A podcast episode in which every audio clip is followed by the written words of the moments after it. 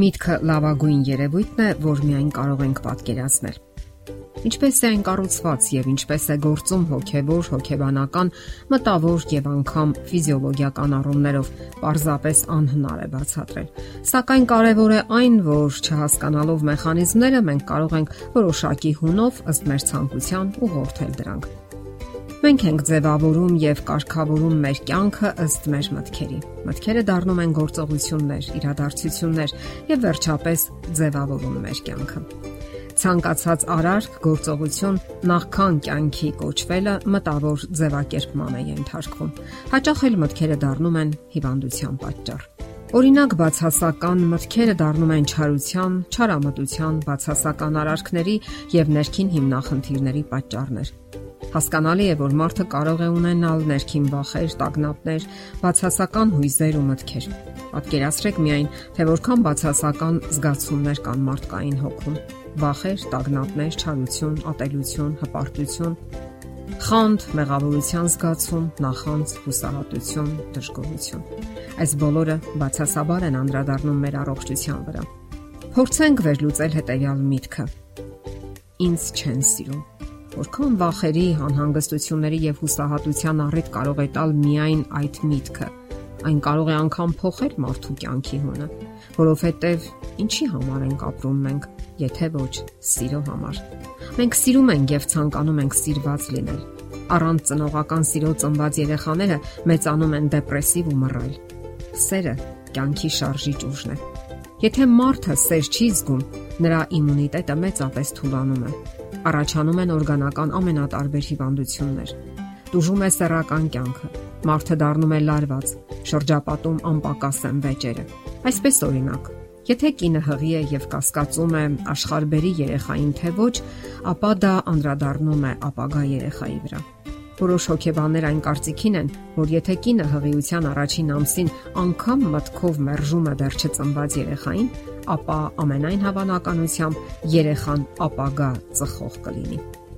Եթե կինը հղիության երկրորդ ամսում մտածում է աբորտի մասին, ապա նա աշխարհ է բերելու հարբեցողի։ Իսկ երրորդ ամսում այդպիսի մտքերը կյանք են մտցնում հոգեկան հիվանդի,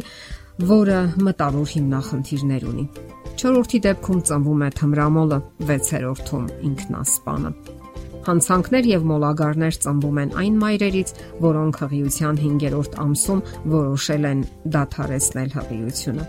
Իհարկե կարելի է կասկածել այս ամենի հավաստիությանը, սակայն փաստ է, որ մարդկային հոգու շատ գաղտնիքներ մենք դեռևս չենք բացահայտել եւ ճշմարտության հատիկներ կան այս խորհրդածությունների մեջ։ Մասնագետները նույնիսկ խորհուրդ են տալիս ուղղել այդ վախերը երեխայից ներողություն խնդրելով այդպիսի մտքերի համար։ Արժե մտորել նաև այսպիսի հետաքրքիր երևույթի շուրջ։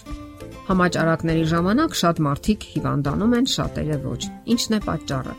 Նշանակություն ունի իմունային համակարգը։ Հասկանալի է, որ շատ մարդկանց իմունային համակարգն ավելի է ուժեղ է, մյուսներին ավելի թույլ, սակայն անկարևոր չէ նաև հոգեկան ուժը, կամքը եւ այլ գործոններ։ Շատ հիվանդություններ համառորեն վերադառնում են չնայած բուժմանը, հաճախ էլ նորերն են առաջանում։ Այսօր բժշկագիտությունն ավելի հաստատակամորեն է խորհուրդ տալիս կարգավորել հուզական աշխարհը, նյարդային վիճակը։ Մեր օրյա հասարակության մեջ աճում է միայնակ վախեցած մարդկանց թիվը։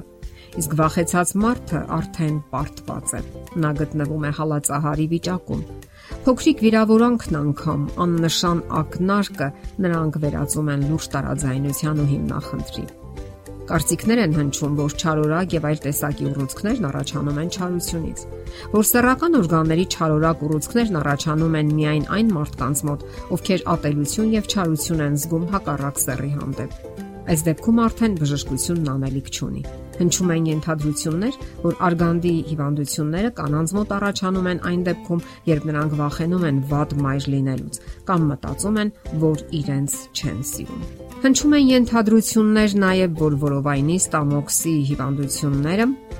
առաջանում են այն մարդկանց մոտ, ովքեր չափազանց ծարավի են իշխանության եւ չհասնելով իրենց նպատակին տարապում են դրա բացակայությունից։ Կամ կույրաղիքի բորբոքումն առաջանում է այն ժամանակ, երբ մարդն իրեն նվաստացած է զգում, երբ վշտանում է, տրտմում։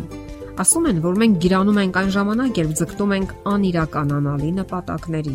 մեզ անպաշտպան ենք զգում։ Իսկ ահա կանանց գիրության պատճառը խղճահարության զգացումն է, որ իրեն ոչ ոք չի սիրում եւ ինքը ոչ մեկի պետք չէ, բացի իրենից։ Երբեմն ճարպակալման պատճառ են համարվում թաքնված չարությունը ծնողների հանդեպ։ Երբեմն ճարպակալման պատճառ են համարում թաքնված չարությունը ծնողների հանդեպ։